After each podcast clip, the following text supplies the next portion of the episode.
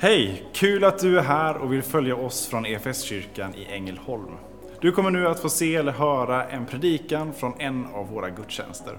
Har du några frågor eller vill veta mer om oss som kyrka så kan du alltid gå in på www.efskyrkan.info. Vill du ha tillgång till mer undervisning eller ta del av våra inspelade konferenser eller gudstjänster gå gärna in på vår Play-kanal, efskyrkan.tv. Nu ska vi lyssna på denna veckas predikan. Tack Fader i himlen för att du kallar oss till dig. Tack för att du har givit oss det största av allt, din egen son Jesus Kristus. Vi ber, fyll nu oss med din heliga Ande. Tala till oss genom din heliga Ande.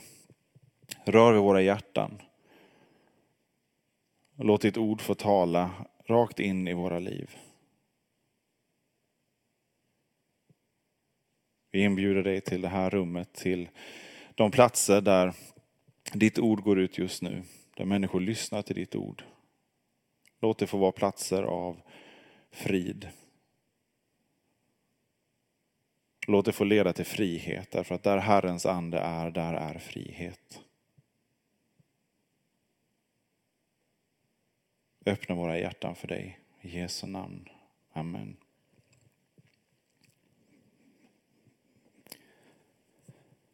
Vi avslutar en eh, påskserie kan vi säga den här eh, söndagen som har haft efterledet vår tid. Det började med nöd för vår tid eh, efter eh, påsksöndagarna där. Och så har det fortsatt med olika sådana frågor och nu landar vi idag i hopp för vår tid. Och då är frågan, känner du hopp för vår tid? När du tänker på den tid som vi befinner oss i, den tid som är runt omkring, både personligen i ditt liv just nu, där du är, känner du hopp för den tid som du är i just nu? Det som ligger framför. Och när du blickar ut över det som händer runt omkring, känner du hopp för den här tiden? Eller känner du något annat? Känner du ängslan? Känner du rädsla, tveksamhet? Eller känner du en tillförsikt? En tro för att Gud har det i sin hand. Någonting som kan ge hopp. Vi befinner oss nu mellan två eh, stora högtider i kyrkans år. Kristi himmelsfärd, som vi firade i torsdags, och pingstdagen som kommer på söndag om en vecka. Och det här är eh, ett antal dagar av väntan och förväntan och som, som präglas av hopp. Man har fått grunda i någonting och samtidigt så väntar vi på någonting som, som kommer. Vi läser ifrån eh, Apostlagärningarna, det första kapitlet där. Det är Lukas som har skrivit Lukas evangeliet eh, som en skrift till en Teofilos. Antingen en person som hette så eller ett kodnamn för, eh, för de kristna. Teofilos betyder Guds vän. För att förklara den kristna tron systematiskt och trovärdigt. Och så fortsätter han nu och skriver apostlagärningarna. Som börjar som en berättelse om vad Jesu lärjungar fortsatte med sen. Och så mitt in i apostlagärningarna så blir det vi-form. För att där kom Lukas in i bilden och blev en av vittnena som gick tillsammans. Men han inleder då sin andra skrift så här. I min förra skrift, käre Teofilos, skrev jag om allt som Jesus gjorde och lärde. Fram till den dag då han blev upptagen till himlen, sedan han genom den helige ande hade gett sina befallningar åt apostlarna som han hade utvalt. Han visade sig för dem efter sitt lidande och gav dem många bevis på att han levde. Då han under 40 dagar lät sig ses av dem och talade med dem om Guds rike. Vid en måltid tillsammans med apostlarna befallde han dem, lämna inte Jerusalem, utan vänta på vad Fadern har utlovat, det som ni har hört av mig. Ty Johannes döpte med vatten, men ni ska om några dagar bli döpta i den heliga ande. När de nu var samlade så frågade de honom, Herre, är tiden nu inne för dig att återupprätta riket åt Israel? Han svarade dem, det är inte er sak att veta vilka tider eller stunder som Fadern i sin makt har fastställt. Men när den heliga ande kommer över er ska ni få kraft och bli mina vittnen i Jerusalem och hela Judeen och Samarien och ända till jordens yttersta gräns. Då han hade sagt detta såg de hur han lyftes upp och ett moln tog honom ur deras åsyn. Och medan de stod, medan de såg mot himlen, dit han får upp, se, då stod två män i vita kläder hos dem. Och de sa, ni män från Galileen, varför står ni och ser mot himlen? Den Jesus som har blivit upptagen från er till himlen, han ska komma igen på samma sätt som ni har sett honom fara upp till himlen. Då vände de tillbaka till Jerusalem från det berg som kallas Oljeberget och som ligger nära staden, en sabbatsväg därifrån. Och när de kom dit gick de upp till det rum i övre våningen där de brukade uppehålla sig. Petrus, Johannes, Jakob, Andreas, Filippus, Thomas, Bartolomeus, Matteus, Jakob, Alfeus son, Simon ivraren och Judas, Jakobs son. Alla dessa höll endräktigt ut i bön tillsammans med några kvinnor, bland dem Jesu mor Maria och vidare hans bröder.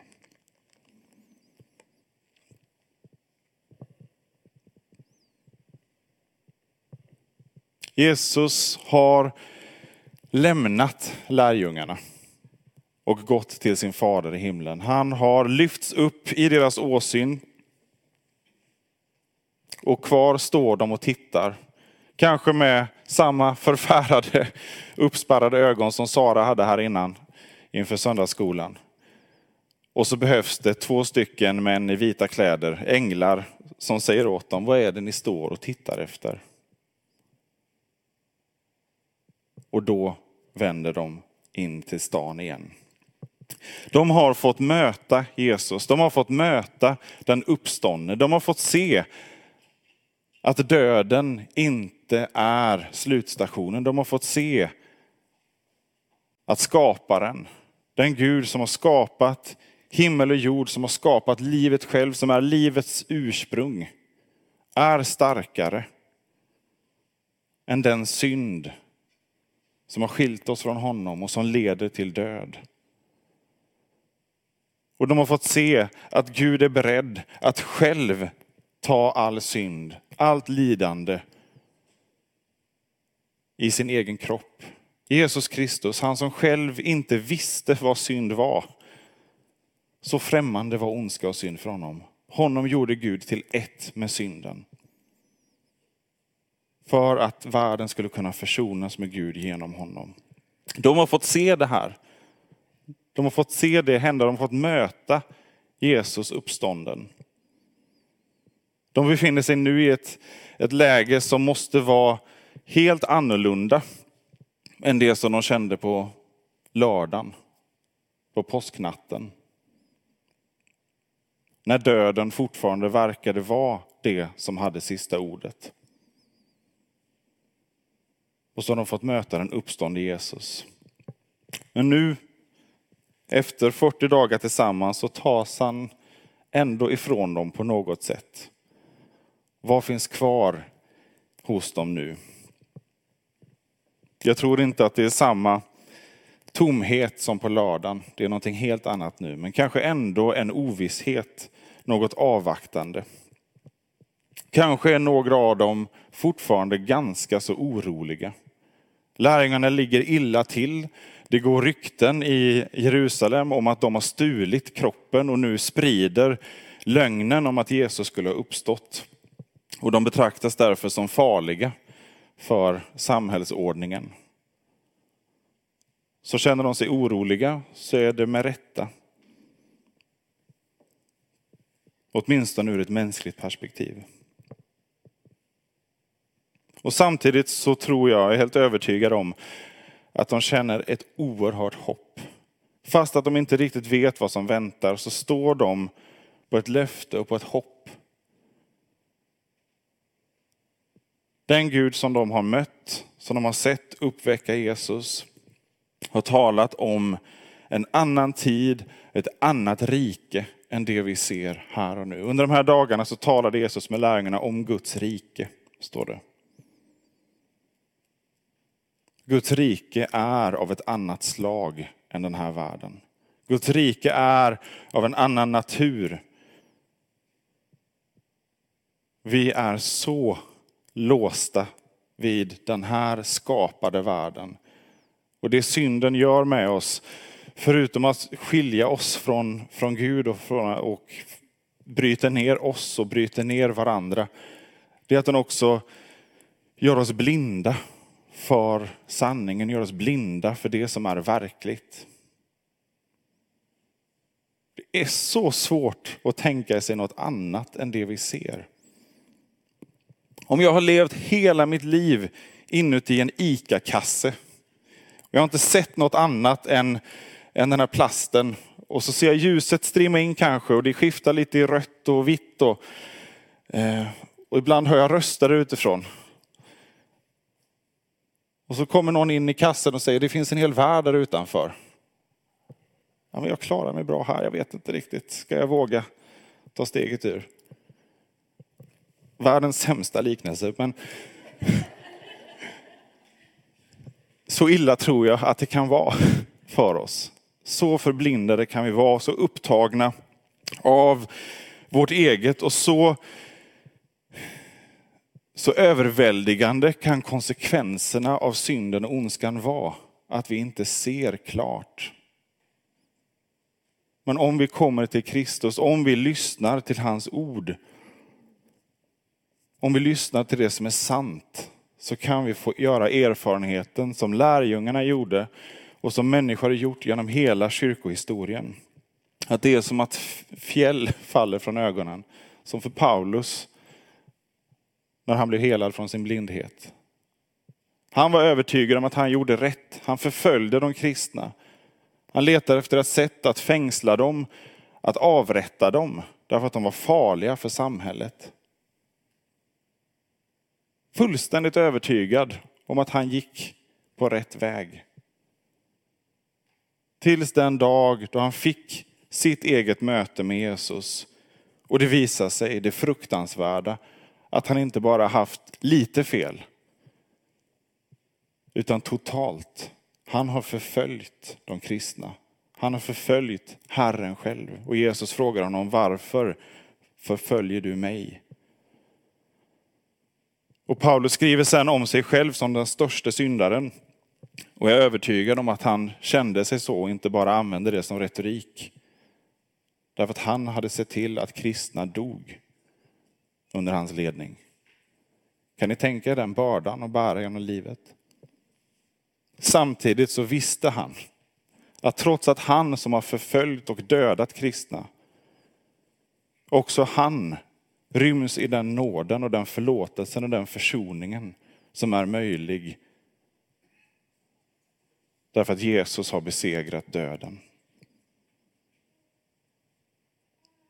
Och inte bara fanns det nåd för honom att bli förlåten, utan det fanns också nåd för honom att sen bli huvudperson i apostlagärningarna.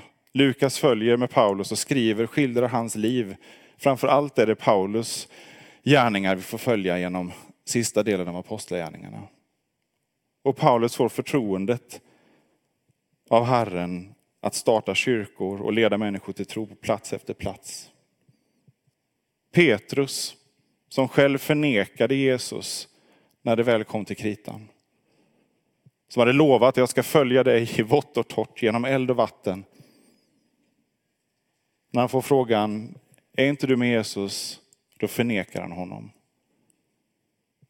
Honom utser Jesus till ledare för apostlarna. Och han får sen på pingstdagen predika så att tusentals känner ett styng i hjärtat och kommer till tro.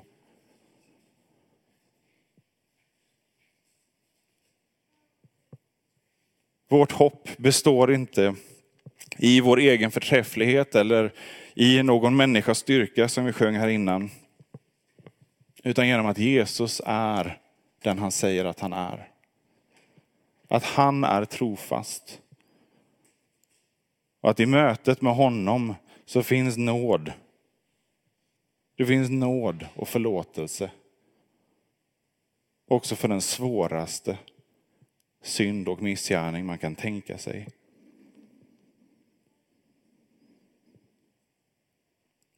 Och hoppet står i, inte att min tro är stark, utan att den jag tror på är stark. Därför att hela skapelsen ryms i honom. Och samtidigt så finns det så mycket som vill stjäla det hoppet. Det finns så mycket som, som odlar rädsla i vår tid, i vår värld och som lever på vår rädsla. Alla clickbait-rubriker drivs av, om det inte är skandaler och nyfikenhet så är det ofta rädslan som, som får oss att bara fortsätta ta in. Och det finns så mycket som odlar splittring. Som aktivt splittrar. Vi ser det i samhället, vi ser det i kyrkan. Den onde arbetar för att stjäla vårt hopp. Att odla rädsla, att odla splittring, effektiva medel. Och han odlar uppror i oss. Och talar till synden i oss, talar till den gamla människan. Nej, ska jag verkligen behöva böja mig för Guds vilja? Han kan få leda mig en bit. Han får gärna välsigna mig. Men ska jag behöva lägga ner allt inför honom? Håller det verkligen? Är det inte bäst att jag har någon annan utväg också och helgarderar?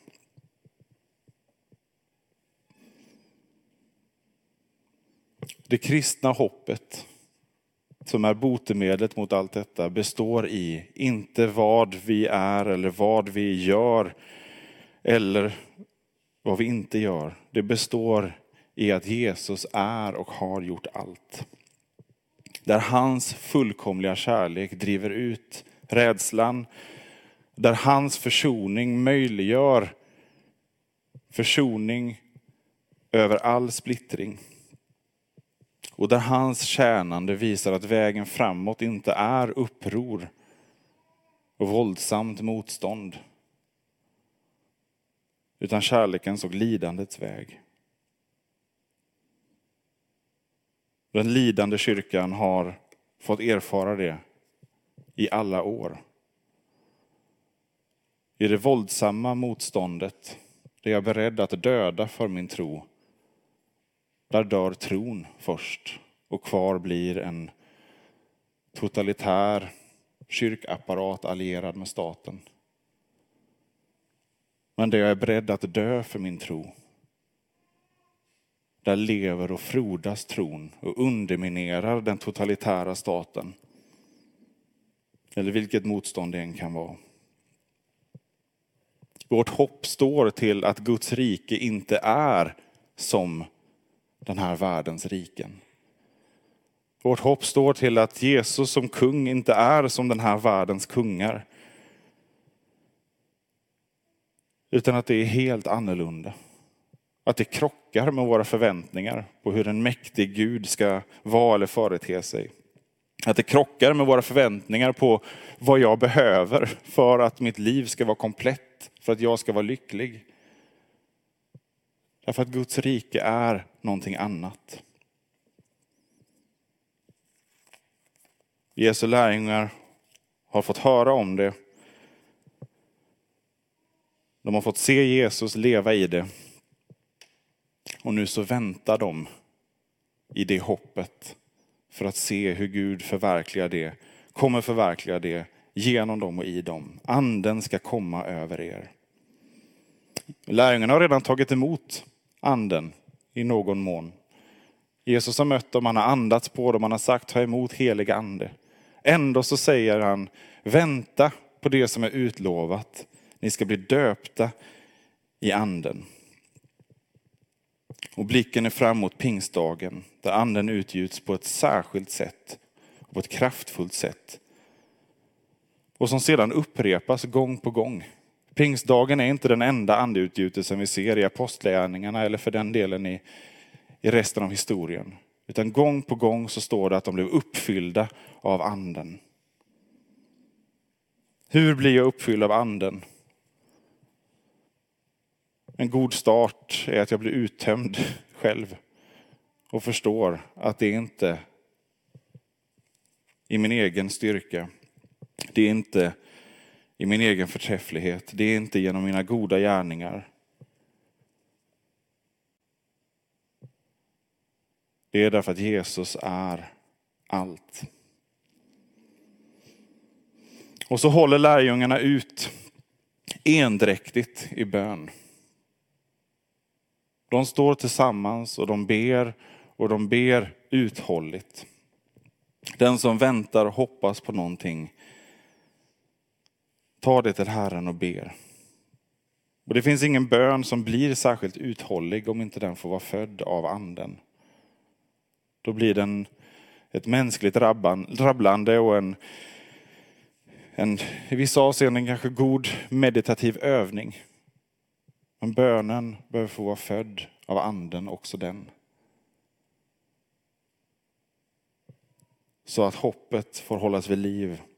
Så att hoppet får vaknas, vakna i oss, att det får överrösta våra egna tvivel, överrösta lögnerna, får överrösta rädslorna.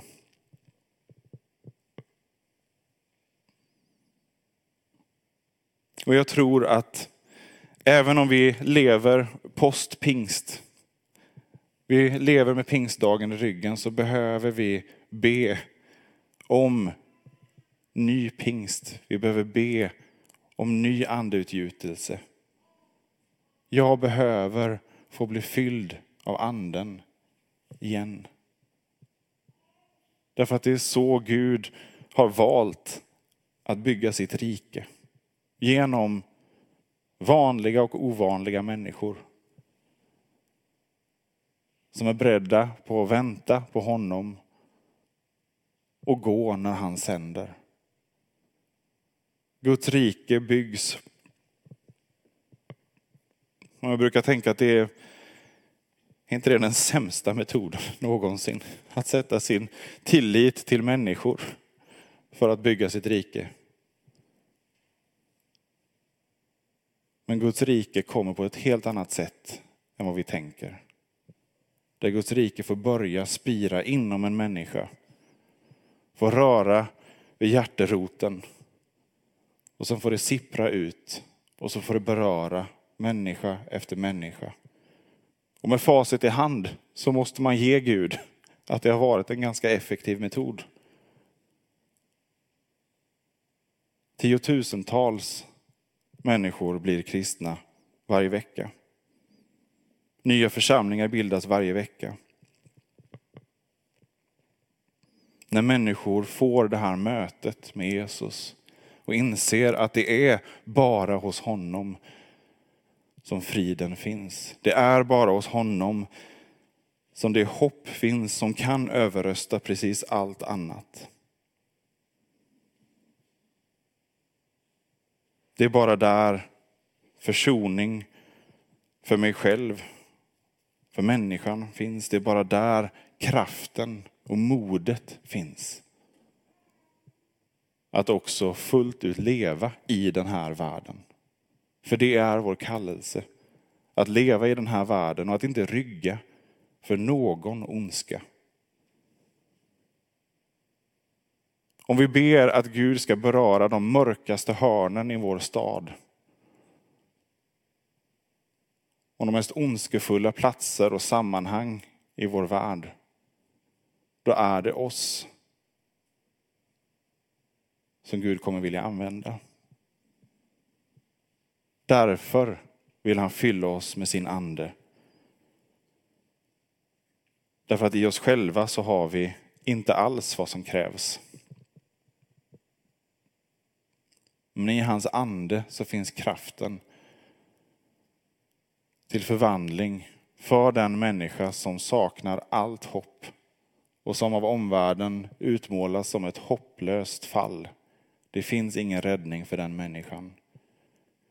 Kvar finns ingen empati, kvar finns ingen förmåga. Kvar finns ingen ork eller vad det kan vara. I mötet med Jesus så kan någonting helt annat få komma fram. I mötet med Jesus kan vi få se att döden har inte slutordet. Att det som vi ser som framgångsrikt och starkt och kraftfullt i den här världen inte är någonting i jämförelse med vem Gud är och vad han gör och vad han vill fortsätta göra genom sin kyrka. I helgen som, som varit nu så har vi förlorat två stycken syskon som eh, har varit offentliga. Eh, offentliga kristna personer. Den ena är Timothy Keller som eh, byggde kyrka i New York och skrivit många böcker som väldigt många har varit eh, hjälpta av. Han fick eh, cancerdiagnos för ett par år sedan och har levt med vetskapen om att den kommer inte kunna botas. Inte på mänskligt sätt. Och han har skrivit om döden. Han har skrivit om livet och hoppet på det mest fantastiska sätt under den tiden. Och så dog han eh, igår och fick flytta hem till Herren. Och han skriver så här inför det. Jag är tacksam för den tid Gud har givit mig. Men jag är redo att få möta Jesus. Jag kan inte få möta Jesus snart nog. Sänd mig hem. Det finns ingen nackdel för mig när jag lämnar. Inte den minsta. Så förvandlad har hans syn på det här livet och på det kommande livet blivit under den här tiden. Och här i Sverige så har vi en annan ung kvinna, Shera Khader Segerstam, som för ungefär ett år sedan också fick en dödlig cancerdiagnos. Det har varit en dokumentär om henne på SVT om vad hon har gjort då med den här sista tiden. Eh, fått fira sin 26-årsdag, Eh, fått gifta sig. Och strax efter att hon fick diagnosen så fick hon ett möte med Jesus. Hon var muslim eh, när hon fick den här diagnosen. Och sen två nätter i rad så får hon en dröm där hon möter Jesus. Och det är för henne ett oerhört konkret möte, det är på riktigt. Och det leder till att hon det här sista året blir en kristen och finner där ett helt annat hopp än vad hon har sett och kunnat drömma om tidigare. Och hon skriver så här eh, som ett sista inlägg som publicerades när hon dog i torsdags. Jesus, jag fann dig mitt i allt elände. Jag valde att ta din hand och att följa ditt ord.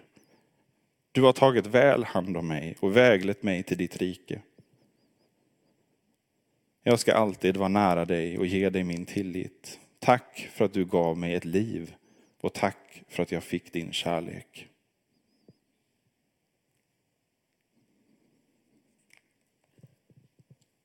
Det kristna hoppet är inte beroende av den här världen. Det kristna hoppet kan inte om intet göras ens av den mörkaste ondska. Det kristna hoppet kan inte förgöras ens av den svåraste förföljelse. Det kristna hoppet kan inte förgöras av döden själv.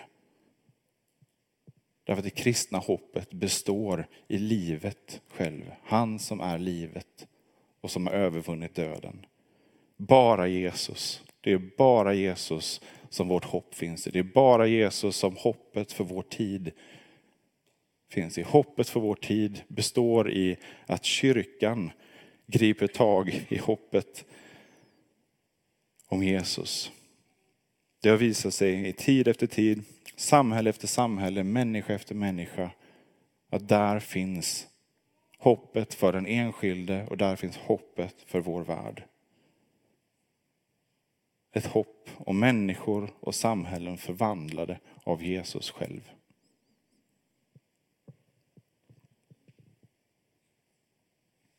Som kyrka är det en glädje att få spela en liten roll av allt Gud gör i och genom ditt liv. Vi vill gärna fortsätta följa dig på den resan. Och vill du ta reda på vad ditt nästa steg kan vara på din resa med Gud så gå in på efskyrkan.info nästa steg. Vår längtan är att få se människor och samhällen förvandlade av Jesus. Genom en kyrka som återspeglar Guds hjärta, bär varandra och betjänar människor varhelst vi befinner oss varje dag.